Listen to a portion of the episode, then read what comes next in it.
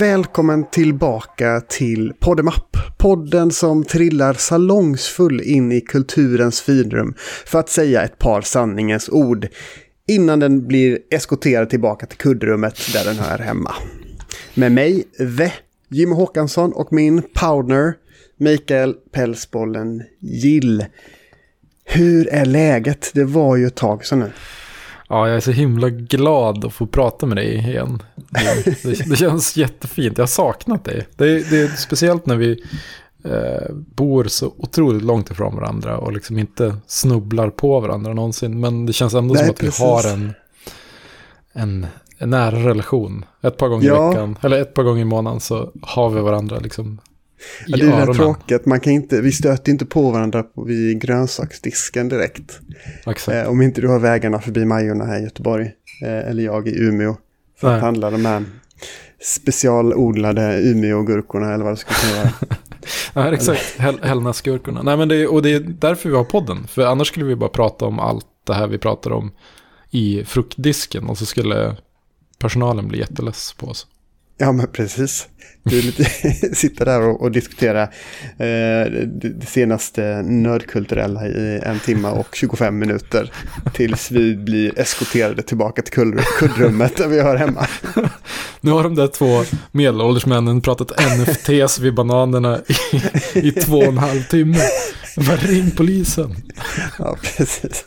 Ja, oh, oh, jösses. Det, det är säkerligen sådana situationer som skulle kunna uppstå. Men som sagt, det här är ju... Är, det här blir ju lite av någon form av comeback-avsnitt. För, ja, var, varför är det så, Jimmy? Kan du förklara? Ja, ja, men nu är det så här att jag har ju bytt jobb. Och i och med detta så har mina inspelningsmöjligheter försämrats en smula. Tidigare så lyckades jag alltid nästla mig in på kontoret och sitta i ett litet ensamt rum där på kvällarna. Men nu sitter jag i vardagsrummet omringad av ett stycke familj. Mm. Eh, vilket gör att vi får lite, eh, vi kan få lite störande ljud eller som man också kan kalla det för ambiens då. Mm. Vi, vi, får allt, se. Eh, allt är ju allt är möjligt kan vi säga. Exakt, och jag gav ju en, jag flaggade för att jag eventuellt kan tappa fokus eller få ett bryt eh, någonstans halvvägs genom. Så ja. Vi får, vi får se vad, som händer. Och det är lite som, och, som och sen så får... brandlarmsavsnittet. ja, ja, men precis. Det var ju... Um, uh, ja, den risken tror jag inte riktigt att vi har här. uh, det här blir nog lite mer någon form av... Uh, li, lite mer ständig ambiens som, mm. som gnager på en. Och sen så får vi se lite hur, hur det här funkar. Funkar det bra så kommer vi väl tuffa på som tidigare, mer eller mindre. Mm. Eh, funkar det inte bra så kanske det här avsnittet inte ens släpps. det, ja, då tar vi det till våra eh, gravar eller något. exakt. Men på tal om eh, gravar och någon som kanske kommer befinna sig igen snart. eh, vi har ju båda läst den här härliga artikeln om Bruce Willis. I DN Kultur. Halvbra segway, men strunt samma. Ehm, jag gillar den. Men, men Kristoffer Ahlström har ju skrivit en ganska festlig liten artikel om Bruce Willis i DN Kultur. Om en sak som åtminstone jag har funderat på väldigt länge. Det, det, jag måste erkänna, det här är en sak som jag har då och då tänkt. Hur kommer det sig att Bruce Willis bara gör otroligt många otroligt dåliga filmer. Och här fick man ju lite svaret. Um, kan, du, kan du ge en, ge en recap vad det är vi snackar om här? Oj, ja, hur var det nu? Han var med i, var det sju filmer 2021 och planerat elva filmer 2022?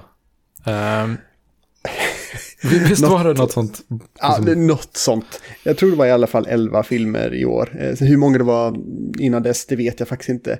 Men tydligen så finns det ju någon form av regissör som heter Randall Emmet som jag inte känner till sedan tidigare. Och det kanske finns en anledning till det eftersom det inte här är en A-liste-regissör direkt.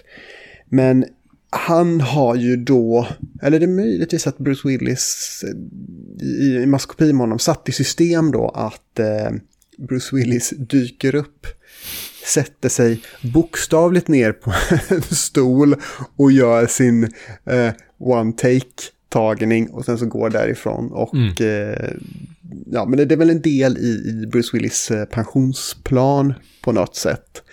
Att eh, bara, bara maxa sin AMF-pension så att det stänker om det. Jag vet inte. Men Alltså- eh, Det, det är ju jättekul. Alltså jag förstår ju att Bruce behöver eh, liksom casha ut när han kan. Han kan fortfarande liksom eh, på något sätt gå, eh, gå igenom skärmen som en, en actionhjälte. Liksom. Mest baserat på vad han gjort tidigare kanske. Men, det är men jag väldigt mycket gamla meriter alltså. Det är, Ja, det är, väldigt vä- mycket det, det är det meriter. absolut. Men det roliga här tycker jag, är, det är ju bilden av den här Emmet, den här personen som släpar runt, alltså han, jag ser framför mig hur han har en så här färdtjänstbuss full med gamla, gamla B, eh, B-kändisar eh, och bara sätter dem i actionfilms eh, eh, sets runt om i Östeuropa där det är mycket billigare att spela in de här filmerna. Precis, Och, och sen så och är sen det... bara hovar in pengar. Och bara vifta lite luktsalt framför dem. Så bara, vad är jag? Vad är jag? Vem är jag? jo, men just så. Det, det känns faktiskt eh, oerhört sannolikt. Eh, och sen så är det så festligt också att... Eh, du sa ju det att Bruce Willis ändå kan ha någon form av... Eller att han spelar in några av de här sunkiga rollerna. Men, men, och, det är han ju inte ensam om att göra. Det är ju många andra skådisar som kör. Ja, nu kör jag tre sunkfilmer. Men man kanske drygar ut det med en, en riktig film som kanske skulle kunna tänkas vara sevärd. Som de kanske inte ehm, tjänar så extremt mycket pengar på per minut. Men som gör att de kanske inte känner att de säljer sin själ Nej, eh. På något vis. Men i Bruce Willis fall så har det ju varit så ända sedan, ja, Looper är väl den sista filmen som jag minns med Bruce Willis som inte var fruktansvärd. Mm.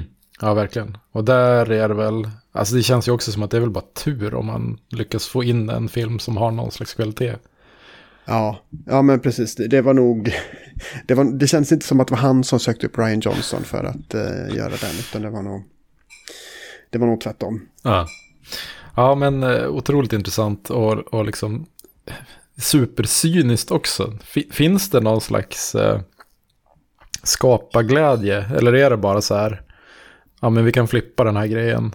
Vi kan sätta Bruce Willis framför kameran i åtta minuter och få 20 miljoner för det. Och så är det bara en, en, ett Excel-ark.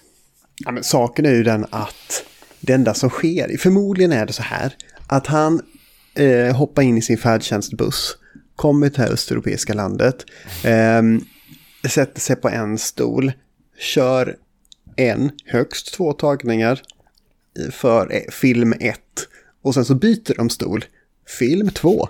Och så gör de det. Jag tror att de liksom eh, bränner av alla de här scenerna till alla de här filmerna i ett enda Ja. sjok. Det är nog det enda sättet att ens att det ens är fysiskt möjligt att vara med i elva stycken fullängdsfilmer på ett år. Mm. Ja, men eh, ja, det, är ju, det är ju intressant. Samtidigt kan man ju så här, man kan ju se på sådana här 80-tals splatter, action, kampsportfilmer med någon slags romantiskt eh, sken. Liksom att man kan tycka att då var det ganska coolt att, att de så här bara pressade ur sig galna liksom, exploitation-filmer.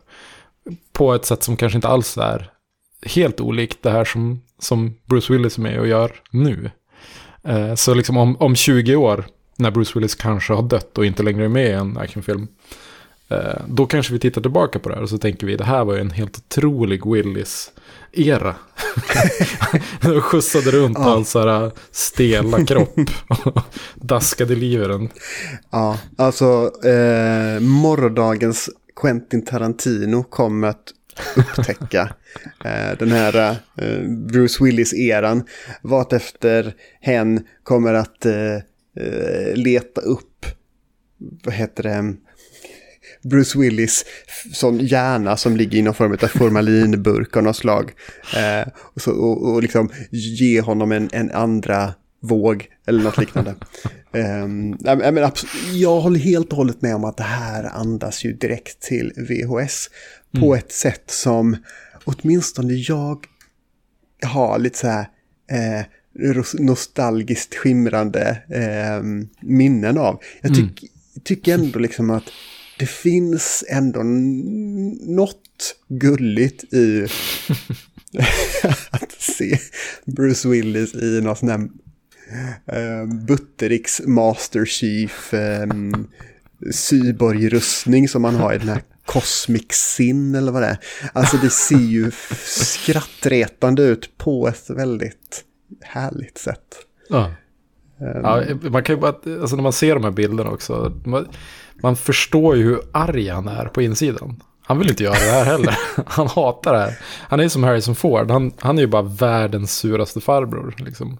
Han skulle helst bara vilja sitta med sina tofflor och, och inte jag, kolla på sport. Eller liksom göra någonting helt annat. Ja, men precis. Det är lustigt för jag, jag, tror jag kommenterade det här på internet och sa något stil med att ja, men, eh, det här är sån upp, det här är sån uppenbar cop-out. Och så kom jag på att just ja, Bruce Willis var ju med i en film som hette Cop-out. eh, på tal om, som kanske eh, var någon form av eh, självuppfyllande profetia. Han är steget för. ja, verkligen. Det kanske är någon form av looper eh, tidsresegrej som mm. han lever i. Ja, nu, shit, nu, nu blev det djupt ändå. Det skulle ju vara håna Bruce Willis, men istället så trillade vi ner i, i det kaninhålet. Men ja, det är om det, eller har vi något annat att säga jag, om Bruce Jag Willis? tror vi har pratat för länge om det redan. Men... Ja, förmodligen. Men vi ska snacka om andra saker också. Ja. Jo, för att det här blir lite av ett eh, pilotavsnitt eller reboot-avsnitt eller vad man nu skulle kunna kalla det, så kommer vi inte prata om två ämnen utan vi kommer fokusera all vår energi på ett enda ämne. Vilket den här gången är... The Batman.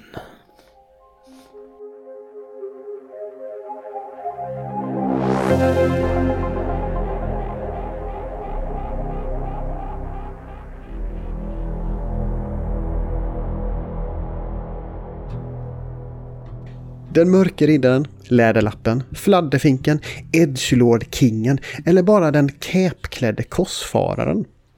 Kärt föräldralöst barn har många namn.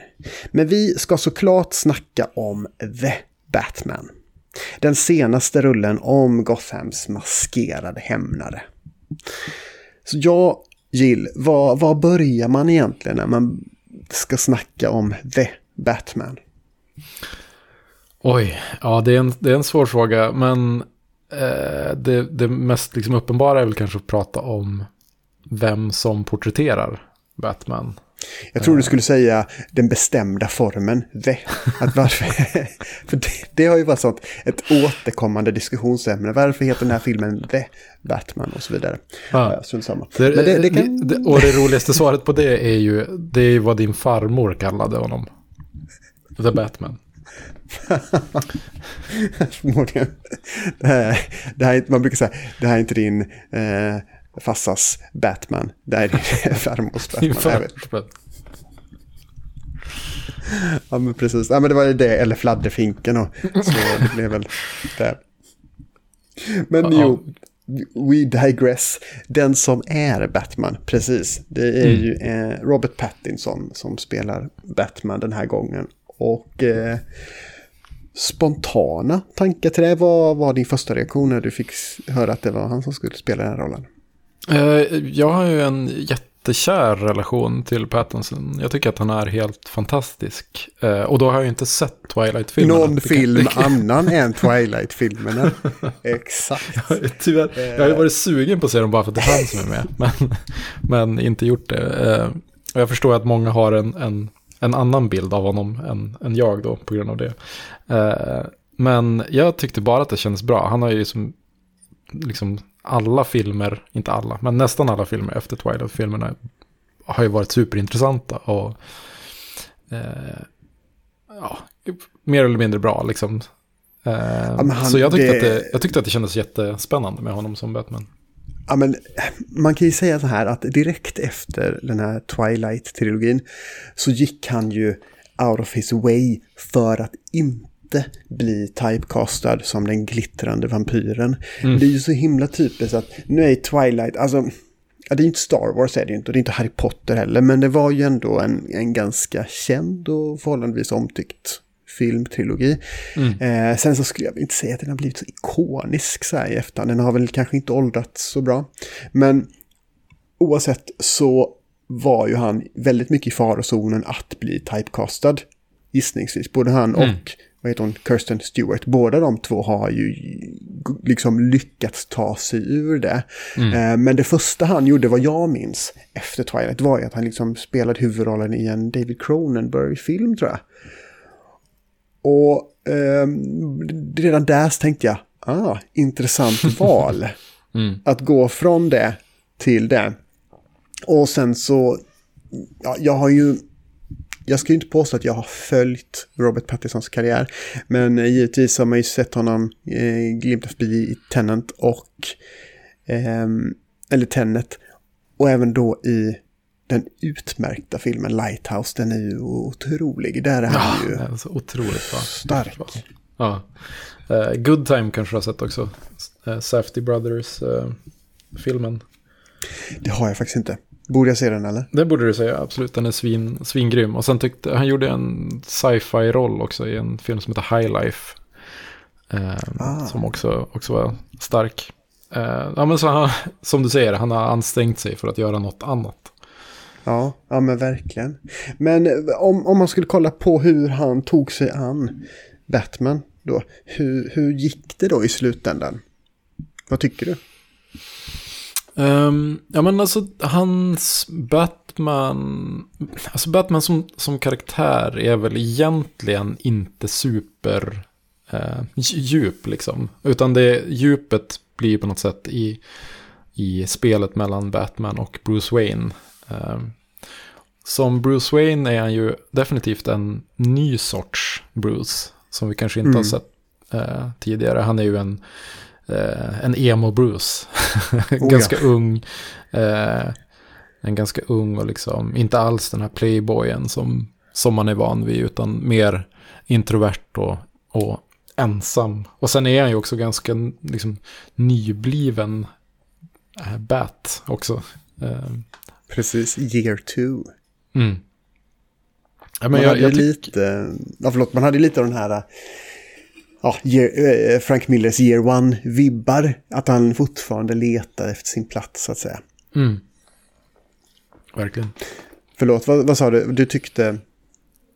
Uh, nej, nej, men jag tycker att det är... Jag tycker absolut att han, att han gör en bra Bruce. Att det, att det blir som en, en intressant så här, version av det här universumet och, och, och allt det Wayne-familjen står för. Liksom var, ja, på ett sätt som man kanske inte har sett förut i, i film i alla fall. Mm. Vad tyckte du Framför, om honom? Ja, framförallt eh, så tänker jag på att eh, det var väldigt lite Bruce Wayne i relation till Batman. Det var, han var ju mm. väldigt uppklädd eh, merparten av tiden. Mm. Men om jag jämför honom med exempelvis då Christian Bales Batman så eh, var det ju, vad ska man säga, eh, då var det lite mer att Batman och Bruce Wayne levde i symbios med varandra i någon form av kretslopp eller vad man ska kalla det. 50-50, mm. yin och yang. Men i eh, Pattinsons Batman så är ju Batman en parasit på mm. Bruce Waynes värdkropp på något sätt. Det är så uppenbart att den identiteten suger ur allt liv och all energi ur Bruce Wayne. Vilket då eh, inte minst uppen, blir uppenbart i att det blotta faktum att Bruce Wayne syns knappt. Och när han väl syns så är han ju extremt lågmäld på alla sätt och vis. Mm. Medan exempelvis då Christian Bale hade ju det här skådespeleriet som var att han spelade den här playboyen och att det mm. var en uppenbar och väldigt tydlig roll. Mm. Eh, medan Pattisons Bruce Wayne har ju inte energin och orken och driven att ens spela den rollen. Han vill ju bara försvinna in i eh, läderlappen Verkligen. Ja, det är så intressant att du säger det. För jag tycker också att det är så här. vi har ju inte sett en, en Batman som har varit mer eh, som osårbar. Någonsin. Alltså de, de tömmer ju magasin eh, på honom liksom, utan att han blinkar. Men den som bär alla R och, och liksom den här, den här mörka, eh, nästan söndergråtna sminkningen efter att Batman är färdig med sin, sitt jobb, det är ju Bruce. Ja, men precis. Um, det tänkte jag på just hur otroligt skottsäker han var. uh, han påminner ju ganska mycket om, um, vad heter den, Dark Knight Returns robot Batman-figur. När han har den här superriddarrustningen i princip.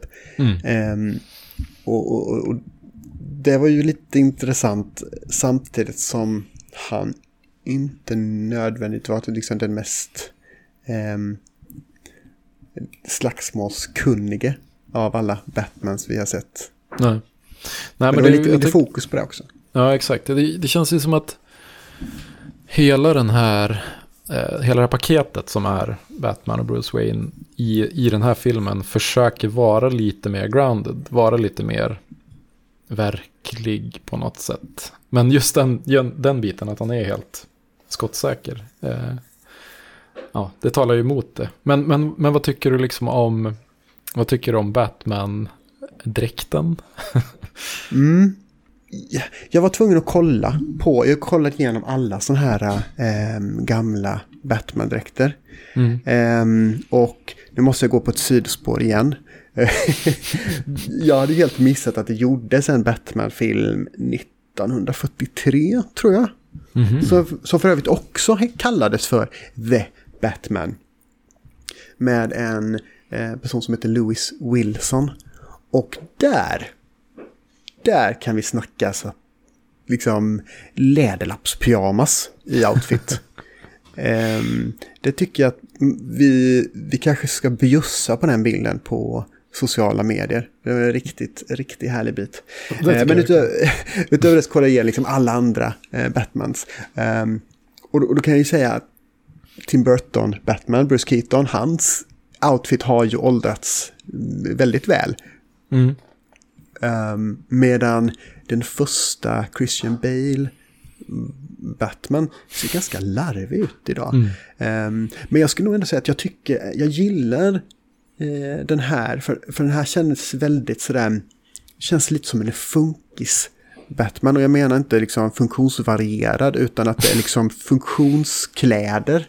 Mm. Eh, att han har på sig, eh, det är nästan som att han har en fleecejacka på sig eh, med kevlar över. Ja, men det känns väldigt så här att det här gjort för funktion snarare mm. än eh, en swingersfest som det stundtals ser ut som ibland att han ska på. Nej, men jag gillar det. Jag gillar liksom bara, bara den grejen att jag märkte det eh, i den scenen där, där de filmar. Eh, när, efter den här spektakulära bilscenen som vi eventuellt kommer gå in på sen. Mm. Eh, pingvin, pingvinens bil ligger vänd upp och ner på gatan och det filmas från pingvinens point of view. Det vill säga upp och ner och då kommer Batman gående mot honom upp och ner som en fladdermus då. Mm. Eh, men då noterar jag att han har fältflaska på låret. Det är fem av fem scout-poäng eh, för detta. Så det, det på, andra benet, på andra benet har han en Rambo-kniv med, med kompass och tändstickor i, i handtaget. Ja. ja, men precis som går sönder första gången du hugger den rätt in i en björk som du garanterat kommer göra. Vad tyckte du om outfiten då? Uh, nej men jag gillade den och jag gillade också att han, uh, det kändes som att han hade ganska lätt att, att byta över till sina civila kläder och att det liksom, det, det flöt ihop lite. Han hade ju inte sin cape på sig hela tiden när han körde motorcykel till exempel. Men det var någonting som fick mig att tänka på, uh, ja men year one delvis men också liksom year, year 100 som en, en klassisk Paul Pope Batman-serie heter. Just där han är ute och kör motocross och, och liksom verkligen inte är eh, den traditionellt eh, klädde Batman. Mm. Eh, Så jag tyckte väldigt mycket om det. Den, den tyckte jag också väldigt mycket om, det här liksom, det mellantinget liksom. Mm. Där han var undercover, undercover på något sätt. Mm. Ja, men Eh. Det var ett elegant inslag eh, faktiskt. The hell are you supposed to be?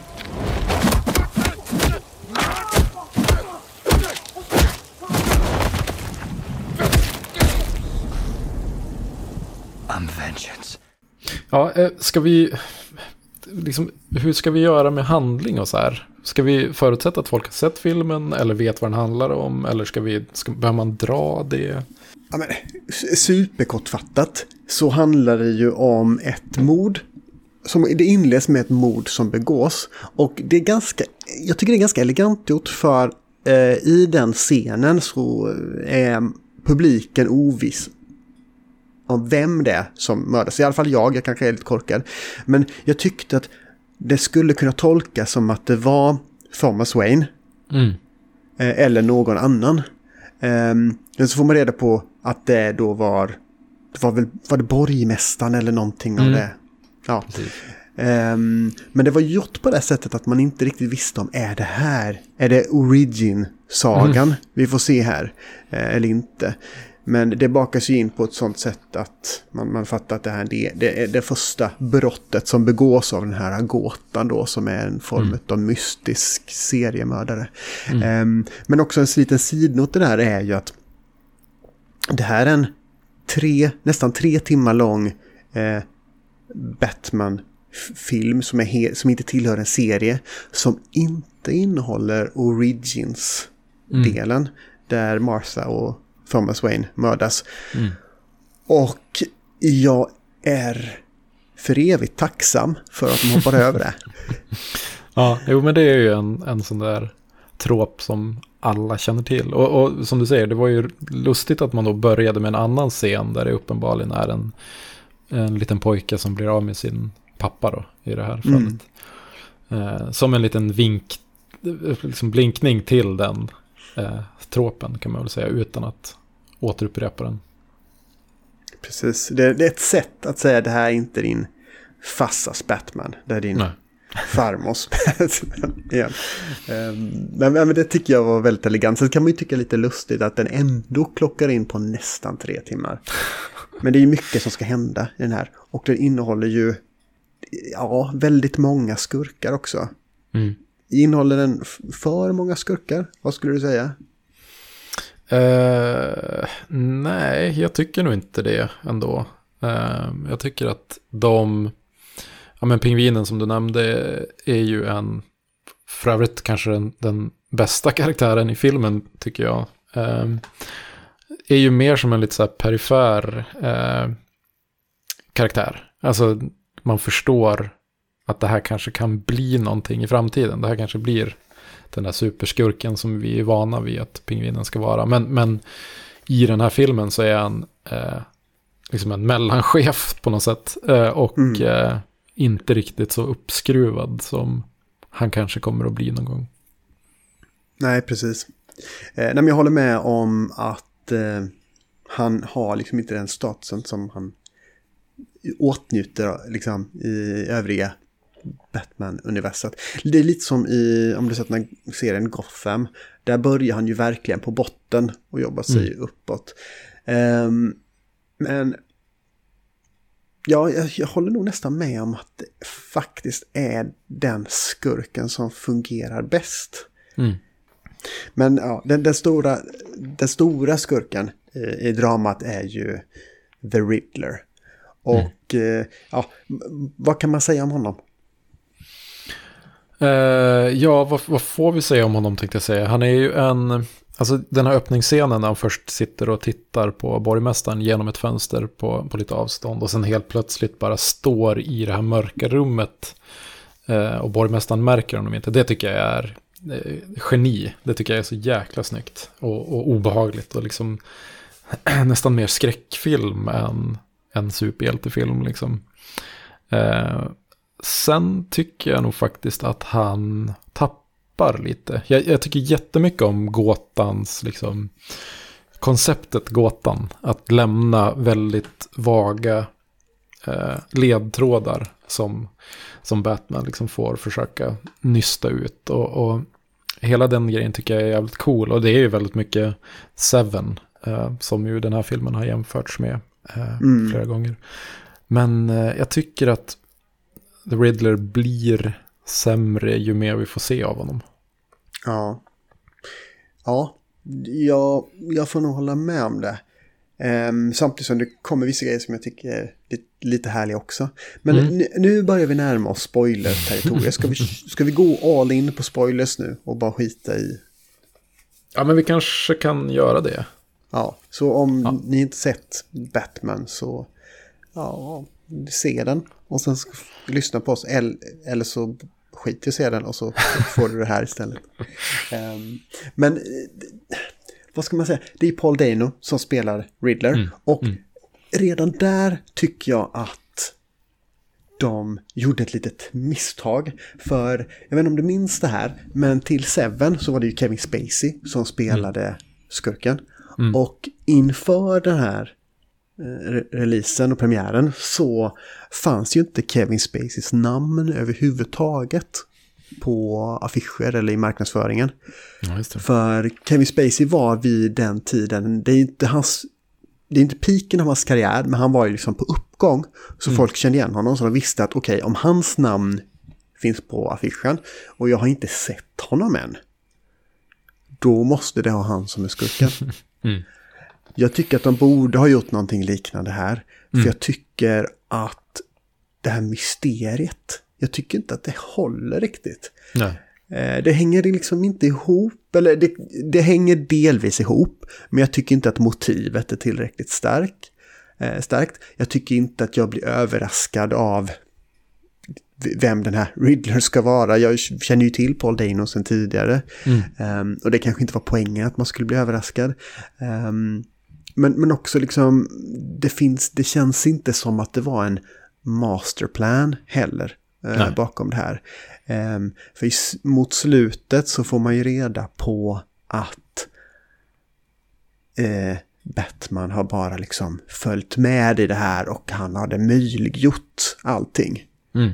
Men det, inte, ja, det tycker jag inte riktigt att det hängde ihop. För det var liksom inte så. I Seven så är det ju väldigt uppenbart att det är all, liksom alla pusseldelar hänger ihop och det blir som sån jättesnygg dominoeffekt. Mm. Men här känns det som att det här var någonting de kom på i sista hand och ja men nu har vi redan filmat alla de andra scenerna. Så nu, nu får vi låtsas som att Batman faktiskt var eh, oumbärlig i, i, i det här eh, pusslet.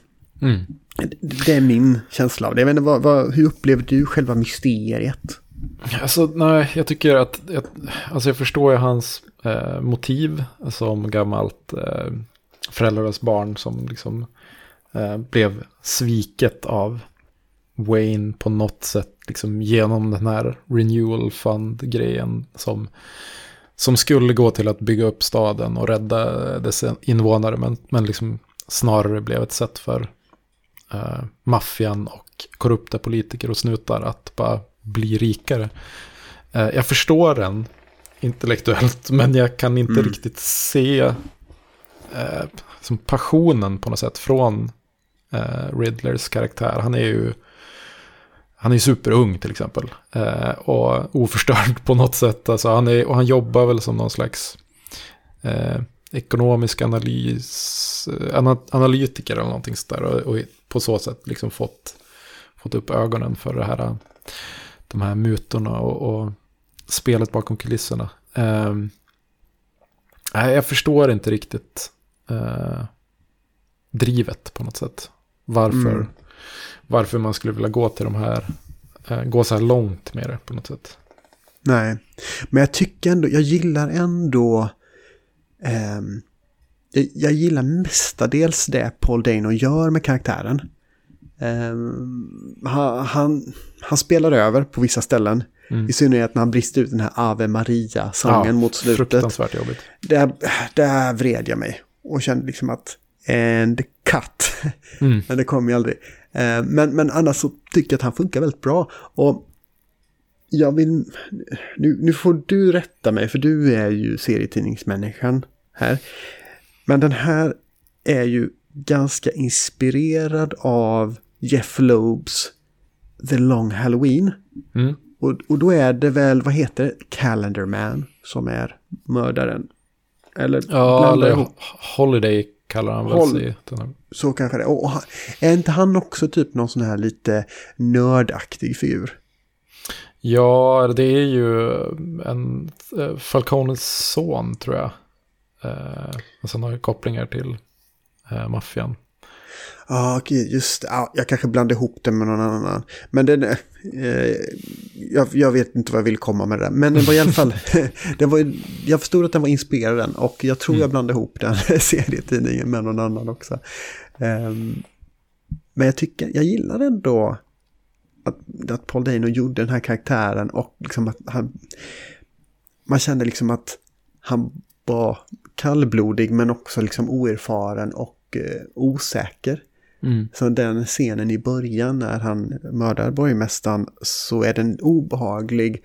Både för att scenen, liksom, scenariot sig är obehagligt men också för att man känner med, eller jag kände med mördaren att han var ovan och liksom osäker på sig själv att han skulle klara av att genomföra det här. Mm. Eh, och, och, och det tyckte jag att han liksom gestaltade väldigt bra. Och, och så gillade jag också den här lilla grejen när han hade eh, någon form av sån här 4chan, eh, var lite sån här 4chan-influencer. Typ, bara tack allihopa för att ni kollar på min film. Han lägger upp såna här filmer på något, något suspekt forum.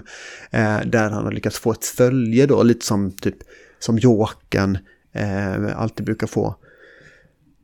Um, men det är typ Mm. eh, Ja, men exakt, like att han- and subscribe. Exakt, att han var, han var liksom Twitch-generationens eh, Batman-skurk på något sätt. Precis. Eh. Jag brukar ogilla sådana grejer när man liksom, det brukar kännas så här dåligt, men jag vet inte, Dano pulled it off på ett sånt sätt så att jag liksom, jag, jag började faktiskt skratta när jag såg det. Jag tyckte det var liksom, jag blev lite så här varm i hjärtat. Jag tyckte. Okej, ja, jag, jag hade lite svårt med den, den delen. Och, och sen tycker jag också att den här twisten som då ska komma eh, efter att eh, Riddler har förstått att Batman inte alls var med honom. Utan han blir bara svinförbannad när Batman kallar honom för galen. Och sen börjar liksom sista akten där eh, Riddlers armé eh, går lös på, på Gotham. Eh, Mm. Det är ju den svagaste delen i filmen. Tycker jag. Ja, ja, men det är ju lite som den delen som sker efter att de har fångat The Riddler är ju lite som eh, en expansion till ett tv-spel. Det hör ihop med det, men det Mm. känns ändå inte riktigt som den, det hör ihop. Nej, det kanske är en sån där, liksom någon slips som har sagt att det är för lite kaos. Typ. Vi måste bara, vart är fyrverkerierna? Kom igen, nu drar vi på.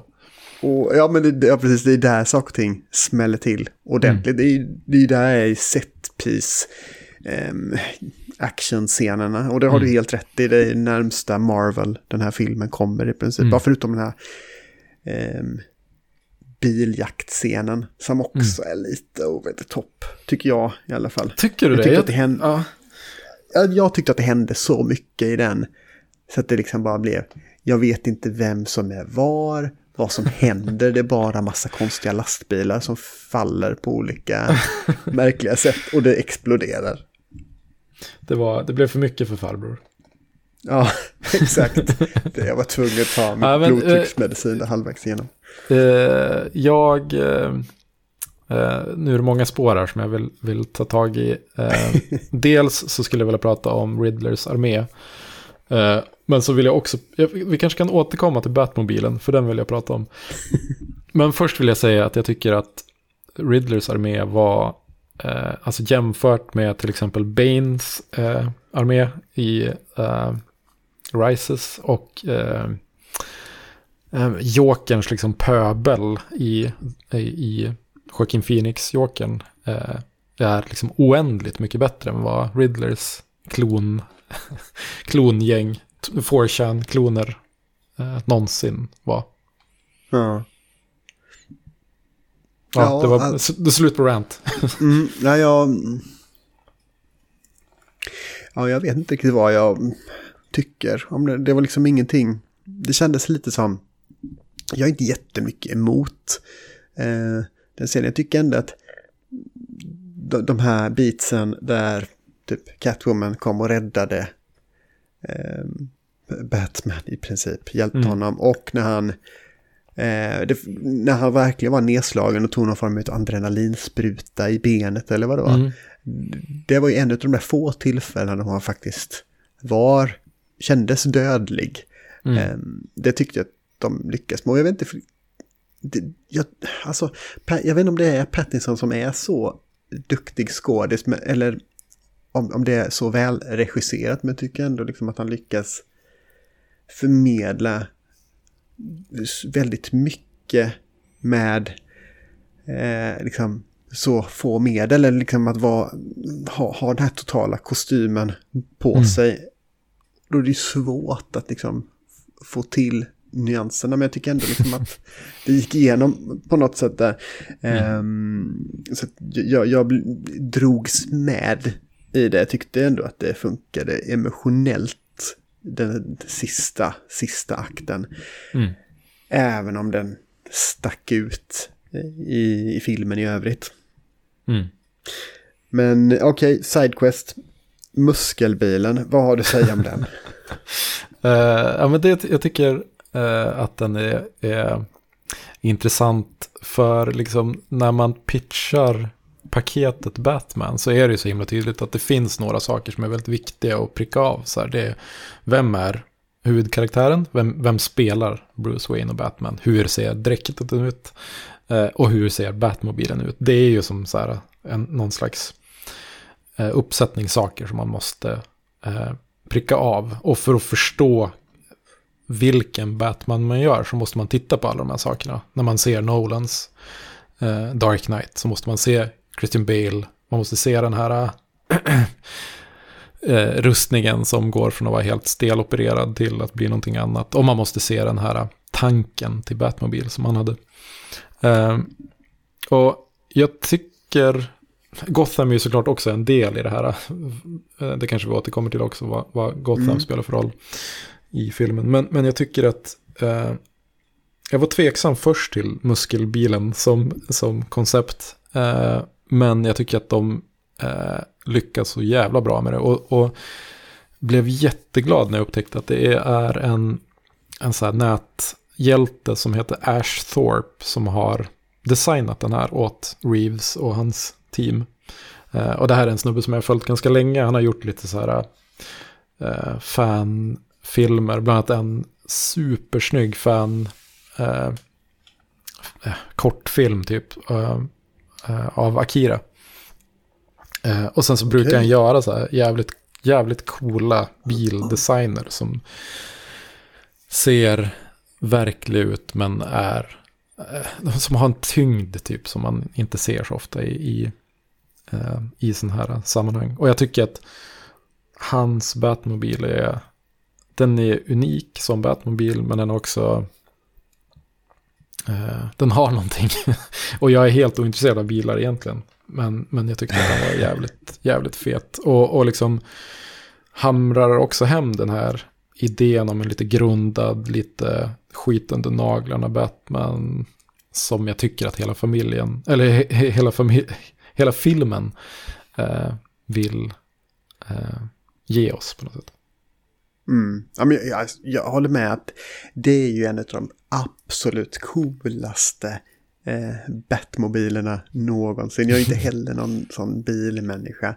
Men det finns ju ändå ett par Batmobiler som har stuckit ut. Mm. Ehm, Adam Wests Batmobil i Batman och Robin. Den är ju superhärlig. Det ser ut som... det- den ser ju ut som den här framtidsbilen som Homer Simpson designade i ett avsnitt. Fast med fladdermusvingar. Eh, Ja. Den är ju otrolig. Och sen så också gillar jag ju jätte, jättemycket eh, Batmobilen i Tim Burtons filmer. Mm. För den är ju så art deco snygg. Ehm, så att den ser ut som att den sitter ihop i kulisserna den rör sig i. För att det är Mm. liksom allting är så otroligt art deco i den världen. Eh, Mm. I liksom så här superteaterkulisser. Och, och ah, det hänger ihop eh, dekormässigt så otroligt. Och liksom art directormässigt så fantastiskt. Och sen så i ehm, ja, Nolan Batman-filmerna så blev ju Batman så mycket militariserad. För han var Mm. ju, Batman i Nolan var ju en blandning av 9-11 och James Bond på något sätt. Mm. Och att den Batmobilen var så, så ut som någon blandning av den här Cybertruck och en pansarvagn Mm. är ju liksom en perfekt metafor för det samhälle den kom sprungen ur på något vis. Mm. Ehm, Ja men verkligen Och- att det är så här Lucius Fox, alltså Morgan Freeman, karaktären med så här äh, material som kanske inte finns för allmänheten. Super eh, vetens eller liksom super eh, långt fram på den här mil militära forskningsskalan. Där, där var den Batman, eller Batmobilen. Och här är det Eh, här ser du alla svetsfogar och liksom eh, popnitar och allting sånt här som, som får en bil att sitta ihop. Du ser liksom vad han har använt för grundbil till och med och, och bygga den här bilen på på något sätt. det är som en sån här A-team-bil, om du vet vad jag menar. Det, Ja. alla avsnitt i en tv-serie gick ut på att de gick in i ett, liksom, i ett garage, låste in sig där, tog en bil och byggde en pansarvagn med eh, allting som fanns i rummet. Eh, men lite så. Jag tycker den är, jag tycker den är helt...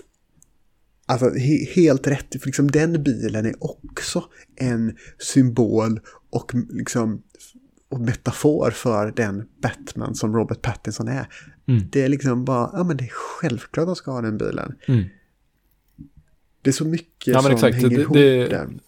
Det, är, det blir ju också en karaktär. Och, och, och precis som i alla andra berättelser om Batman så är ju en av de absolut starkaste eh, karaktärerna är ju staden Gotham. Ehm, vad, vad tycker du om Reeves version av Gotham City? Jag tycker att det är den mest sammanhållna versionen av Gotham City vi har sett sedan Batman Returns tror jag. Mm. För, för kollar vi på någon annan Batman-film. just- jag, jag kan i efterhand tycka att exempelvis Bat, den här Batman and Robin-filmen med George Clooney, nu har inte jag sett den så jag kan inte säga, jag kan inte riktigt stå för det här. Men jag kan i efterhand uppskatta liksom den extrema campighet som den filmen är. För den är ju som Adam West Batman vill jag Mm. minnas. Och där var ju allting, he- hela, he- hela Gotham vill jag minnas såg ut som typ staden i familjen Jetsons. Ehm, alltså allting var påhittat, ingenting fyllde en funktion. Mm. Och i Nolan Batman så um, var det ju bara en form av metropol. Mm. Om något. Det var ju en... Var det liksom en, ett slags New York kanske? Mm. Jag vet inte. Eh, en stad som de fick skattelättnader för och subventionerat för att spela in antagligen. Mm. Eh, det finns ingenting där som andas Gotham. Men i den här filmen eh, så är ju, som du säger, det, det känns ju som Seven, gör det ju. Mm. Eh, det är väldigt urbant, men det är också väldigt gotiskt. Mm. Och jag tänker så här att det här är första gången som jag kan minnas att eh, eh, Wayne Manor ligger mitt i staden och inte på en ödslig kulle någonstans. På ett berg. Som Nej, typ, nej, eller det gör det ju. Eh, Det är ju det här, eh, de här föräldralösa barnen är ju i Wayne Manor. Så det, det finns ju fortfarande. Men, ja, men Bruce bor i en, i en lägenhet inne i stan. Eh, Men det, Precis. det är väl också intressant. Men, men jag håller med om att den är så här, den är gotisk samtidigt som den känns som att den har den här, eh, som en, den, den skulle kunna ha stått där för evigt liksom. Den har en, en tyngd och en, en ålder på något sätt. Ja men precis, det känns som att den, har någon, den är inbodd. Och bara det, liksom den, det huset han bor i har ju helt, för första helt absurda kyrkomöbler. det är så supergotiskt men det är också så jätteslitet och väldigt dammigt ut. Jag tänker, vad gör Alfred eh, alla dagarna? Löser de här sudokusarna i eh, Gotham eh, Times eller vad det nu ska vara. Ja, de står ju bara vid varsitt fönster och tittar ut och är ledsna. ja, precis. Ser staden förfalla i Ja. kaos. Ja, jag tycker Eh, att den är helt, helt otroligt snygg. Hela den här sepia-tonen, bruna, rökiga, dammiga, smutsiga. Det känns, det känns så jävla rätt bara med, med Gotham. Jag tycker att det är kanske liksom det, det, det bästa med den här filmen. Hur, hur bra miljöerna är. Mm. Och bara, bara så att säga, det finns här små estetiska designer och val som skapar den här filmen och den här världen. Bara den saken att när han återvänder till sin Batcave så kör han in i tunnelbanan och helt plötsligt så är han där i sin, sin lya. Och det signalerar ju att det här är en annan slags Batman än den du är van vid. Mm. Eh, Så det uppskattar jag så otroligt mycket. Eh, det- Det är ju de delarna som jag gillade mycket mer än den här intrigen som inte riktigt höll ihop. Eh, Men som jag inte störde mig så mycket på eftersom alla scenerna var och en för sig tyckte jag funkade väldigt bra. Alla så här detektivscener och all, hela den där biten tyckte jag funkade jättebra. Mm. Sen så Alltså, jag tycker jag gillar- liksom Jag gillar att det verkligen... inte hängde ihop. Ja, jag gillar verkligen liksom, Batman, CSI, eh, eh, delen. Så här. Eh, sen vet jag inte om han är världens bästa de- detektiv, Batman. Det känns som att han blir ju, han är ju lindad runt så många fingrar så det finns inte. Han går ju på så jävla många turer hela tiden känns det som. Ja, och sen så, jag vet inte om han är världens bästa detektiv eller om The Riddler är världens bästa eh, gåtpåhittare. För jag tänker att det är ju liksom en, gåtorna han kom på är ju en, ehm, en vanlig dag på Wordle i princip. det, det, det är inte jättesvåra grejer. Det Ja. var ju inte liksom, det är inte Zodiac killer-nivå på grejerna, även om de hade det här eh, Zodiac killer-mönstret. Mm. Eh, det De ville verkligen vara det. Vad är det som går och går men aldrig kommer till dörren? Det är lite den nivån. Ja. eh, på det. Ja, nej, men det, det, finns ju fler saker som man är besviken på. Jag tycker att Zoe Kravitz, hon, är, hon brukar ju i alla fall vara väldigt bra. Jag tyckte inte att kattkvinnan i den här filmen var särskilt bra. Jag vet inte riktigt vilken funktion hon fyllde. Ehm, jag tycker, eh, ja, d- den, den biten hade de gärna fått. De hade gärna fått liksom gjort mer med henne på något sätt. Mm. Ja, hennes känslomässiga ark ehm, var, resonerade inte hos mig. Nej. Känner jag. Men jag hade inget problem med henne som karaktär. Jag tyckte att hon funkade bra som Catwoman. Och jag tycker ändå att typ hennes outfit var helt okej. Det var li- lite sådär töntigt att det var att hon hade tagit på sig en mössa och så var det så här små pyttesmå kattöron som inte skulle vara, det skulle se ut som att det inte var meningen att vara kattöron Mm. då givetvis. Eh, Men det kändes, det kändes pytte lite töntigt faktiskt. Men, eh, men annars så gillar jag ju liksom hela grejen att allting var så anpassat till funktion snarare än nu ska vi ut på maskerad. Mm, jag håller med. Eh, men eh, vad, har vi några slutord? Vad, vad, vad känner du liksom? Tror du att det kommer att komma fler? The Batman? The Batman? Ja, alltså det, det, slut, det, det absolut sämsta i hela filmen är ju den cliffhangern som det slutade med. Eh, när, man, när det var en känd Batman-skurk som man såg i profil som pratade då med Riddler.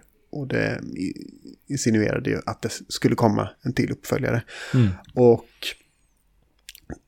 man såg ju att det var en person som var väldigt vanställd i ansiktet. Mm. Och då, min första reaktion var Two-Face. Mm. Det var min första reaktion. Sen så fattade jag att okej, det, det, det är förmodligen Jokern eh, de syftar på här. Mm. Och det kändes så otroligt onödigt. Ja. Alltså så... eh, Som det, det kommer förmodligen komma en uppföljare till det här. Men jag önskar att det inte gjorde det. Mm. Faktiskt. Inte för att den inte var bra, utan för att jag tror att den, den inte kommer att bli bra. Mm. Ja, men jag, jag, man är ju rädd för det liksom. Och, och det, på något sätt, eh, när den här scenen kom, så man förstod ju vart det var på väg. Liksom, att, att nu, får, nu får vi en liten glimt av något annat från det här universumet. Och jag vet inte, hade man blivit mer glad om det hade varit Joaquin eh, Phoenix som hade suttit där och, och skrattat? Eller?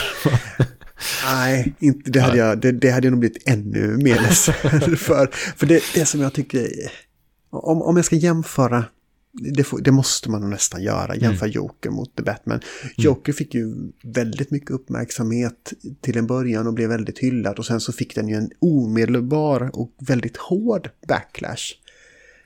Ehm, och jag måste ändå säga att Joker är för mig en mycket starkare film.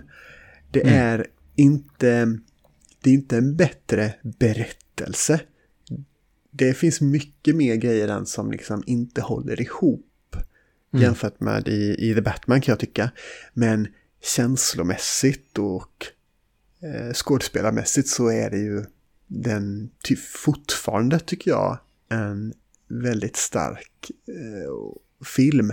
Mm. Ehm, mycket av den kritiken som den här fick att typ, ja men det är någon- en incel-film och allt vad det kan vara. Det, visst, det kanske man kan säga, men å andra sidan, det handlar ju också om skurk. Det får man ju inte glömma. Mm. Han är ju inte en hjälte någonstans. Det är ju inte en hyllning till eh, eh, den vita, kränkta, eh, sexuellt frustrerade mannen.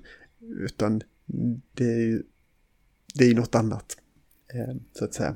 Men jämför den med The Batman. De här är ju de två DC Comics-filmerna eh, som har haft mest integritet, eller högst integritet sen The Dark Knight.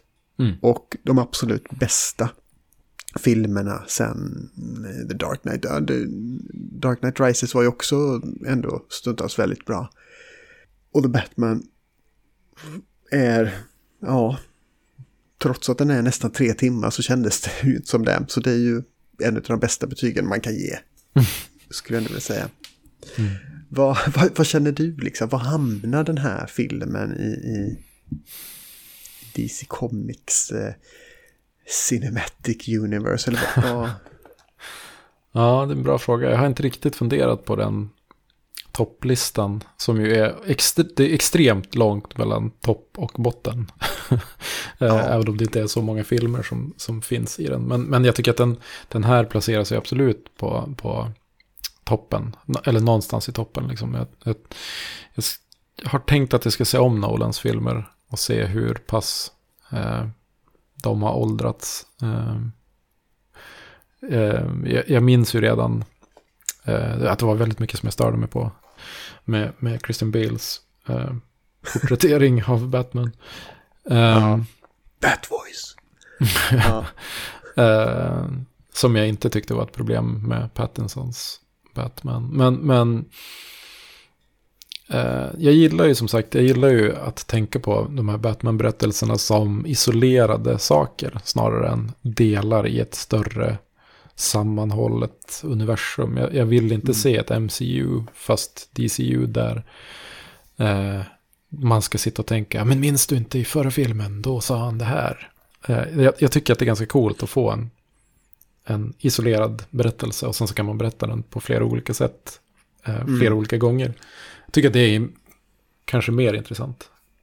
Eh, Helt, jag håller helt med. Eh, Jag tycker ju, det är ju på samma sätt som de bästa serieromanerna med Batman är ju liksom självständiga, så att säga. Mm. Sen så finns det ju ofta, ehm, det, det finns ju en del milstolpar i, eh,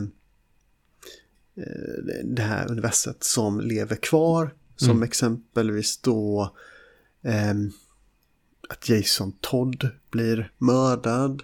Mm. Att ehm, Barbara Gordon blir skjuten av Jokern och eh, rullstolsburen.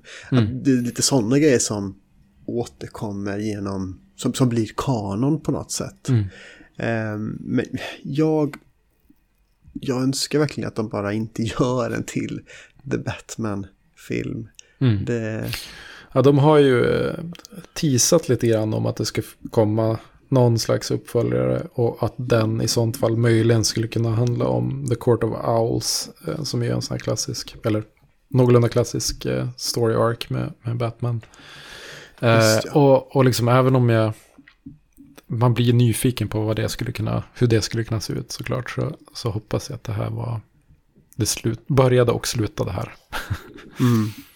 Ja, det var ett tag sedan jag läste Court of Owls, men jag har för mig att jag tyckte att den var väldigt bra. Men det kanske också för att den kändes så modern jämfört med de här klassiska, klassisk, klassiska Batman-serierna. Mm. Ja, det är, det är ju intressant när man pratar om klassiska serier. Du nämnde ju The Long Halloween tidigare. Och Lobes liksom, kanske mest kända Batman-berättelse. Vad, vad otroligt inflytelserik den har varit på film-Batman senaste liksom, 20 åren. Eh, eller sen den gjordes egentligen. Alltså Nolan utgick ju väldigt mycket från Long Halloween också. Och det här är ju stund, alltså man kan sitta och peka ut karaktärer och händelser och, och saker som sägs och, och direkt härleda dem till eh, seriesidorna. Liksom. Så, så långt kopplar jag inte, men det var ju också för att jag knappt minns någonting från den. Däremot så var det inte så länge sedan jag läste Jeff Lobes Hush. Mm. Som också är en sån här Detective Comics Batman.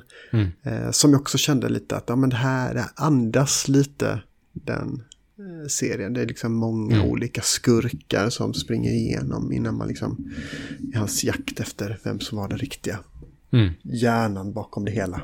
Mm. Jo, det finns absolut en massa, massa saker därifrån också såklart. Och, och jag måste ändå säga att det, det är mer intressant med den Detective Batman En Action Batman. Känner jag, eller det kan också vara för att vi aldrig sett Detektiv Batman på film på samma sätt tidigare. Det är kanske är därför jag känner så. Mm. Ja, lite så kanske. Det, det, vi har spelat det, vi har läst det i serierna. Men, men vi har aldrig riktigt sett den delen av det.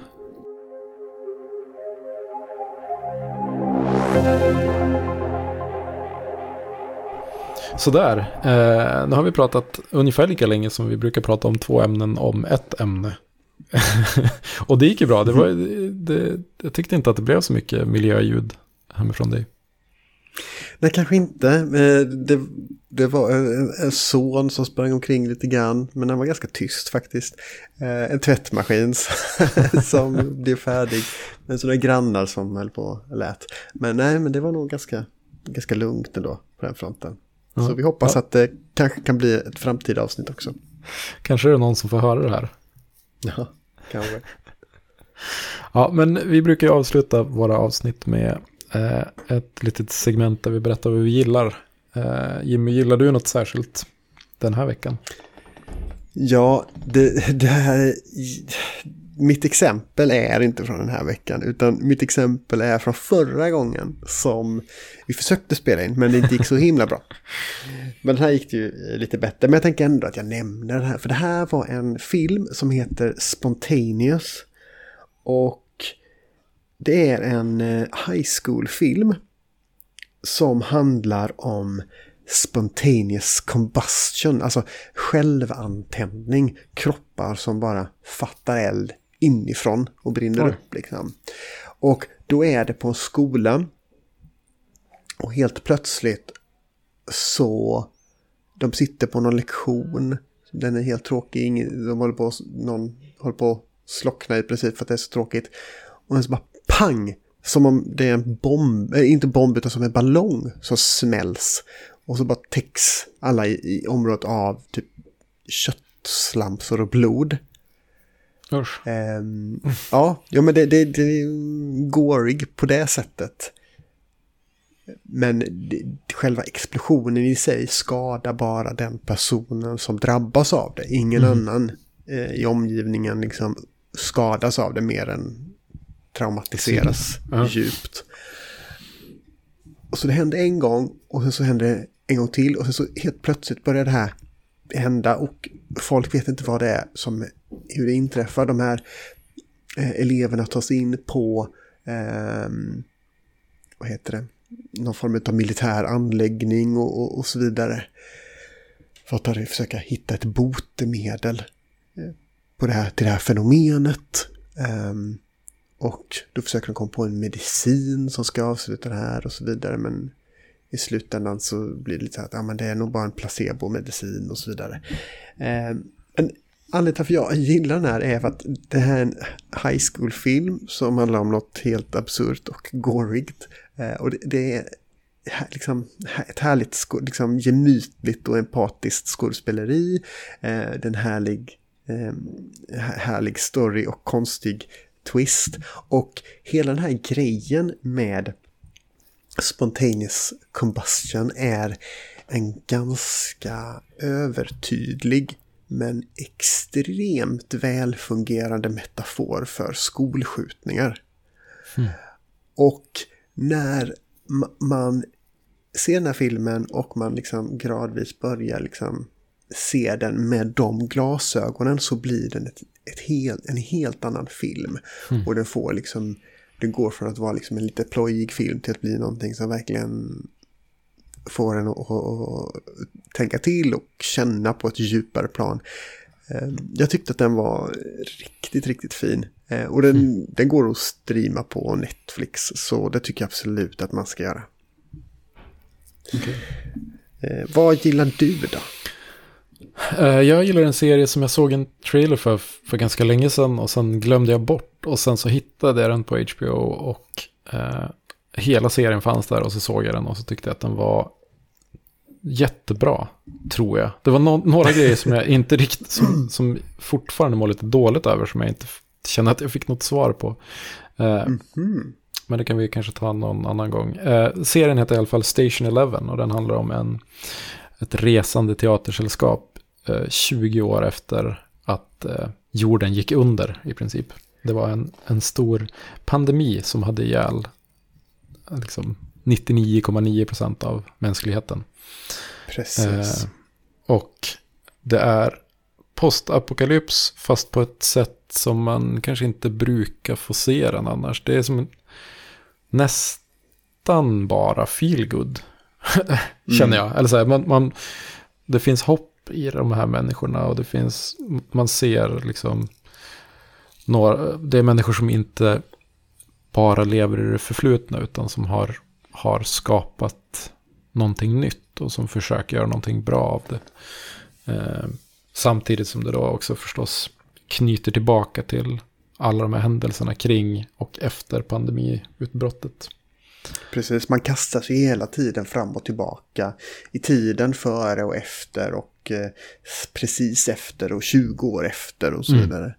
Eh, det är många tidslinjer som bollas. väldigt, väldigt många trådar och, och jag tyckte att det var ganska snyggt berättat. Eh, jag vet inte så mycket om vilka det är som har gjort det. Jag vet att den här personen, Hiro Murai heter han, tror jag, var med och, och regisserade ett par avsnitt i alla fall. Han har ju varit med och gjort Atlanta också, som är en av de bästa serierna någonsin. Ehm, Mm. Och jag tycker att uh, Mackenzie Davis, Davis till exempel, hon som spelar huvudrollen, är eh, jättebra. Ja, eh, jag, när jag såg den så hade jag två tankar samtidigt. Wow. Den ena är, jag är så jävla trött på all form av apokalyps och postapokalyps. Och i synnerhet sån här jävla skit där det är en pandemi som har slagit ut världen. Ehm, och den här, den här serien har ju samma problem eller eh, situation som typ Why the Last Man. Att det är baserat på ett verk som är skrivit långt innan covid var eh, uppfunnet i ett labb. Ehm, men, men, ja, så, så, så man kan inte nödvändigtvis säga att ja, men det är bara en covid-analogi. Eh, men det är ändå lite så här, ork, jag orkar inte med den här typen av, det har ju faktiskt för många apokalyps Mm. och postapokalypsserier. Eh, samtidigt som man faktiskt befann sig i en postapokalyps. Och den andra tanken är, det här var den bästa postapokalypsen på jättelänge. Att ni får göra Station Eleven och sen, sen så får ni ta en paus. Mm. Okej. Genren får ta en paus nu ett tag. Ja. Jag tyckte väldigt mycket om den. Och som du säger, den är ju... Den är väldigt hoppfull, den är väldigt annorlunda. Den är lite quirky stundtals, Mm. skulle jag säga. Ja, men Men- också lite så här magisk realism. eh, Weird, liksom att saker får hända som man inte riktigt förstår. Ja, men precis. Och det är nästan lite, det kanske är lite de här Atlanta-vibbarna. För det, det Mm. fanns ju också lite Exakt. inslag av saker som inte borde finnas och existera i den Mm. serien. Ja, men jag tyckte väldigt mycket om den också. Och det är definitivt någonting som man ska se. Ja, ja men det här var väl ändå ett eh, comeback-avsnitt. Så får man se om det är en sån dålig uppföljare. Eller om det var en comeback-kungarnas återkomst. Vi kommer tillbaka starkare än någonsin. Flera gånger per år. Gör vi comebacks. Det som inte, det som inte dödar dig eh, ärrar dig allvarligt. Eller vad är det de säger? That, that doesn't kill you makes you weirder. Eller vad det är. Exakt. Ah, Jokern säger. Så kan det gå. Ja, ja, men vi finns ju på internet. Twitter och Instagram är det. Där vi i första hand existerar på. Där, vi Där heter vi Podemupcast och där får man ju, om man vill, eh, gilla saker, prenumerera, eh, tumma Precis. upp, allt vad man kan göra. Eh, ge oss tips. Staka oss, ge oss tips på hur vi ska lyckas göra en podcast och samtidigt eh, navigera livet. Exakt. Jag tänker eh, att eh, tipset Rohypnol behöver ni inte komma med. Eh, jag tycker det är oetiskt att Det har vi redan provat. familj. ja. Just så. Ja, nej, eh, nu får vi nog stänga av här innan SOS kommer. Tack så mycket för den här gången. Tack Jimmy. Hej då.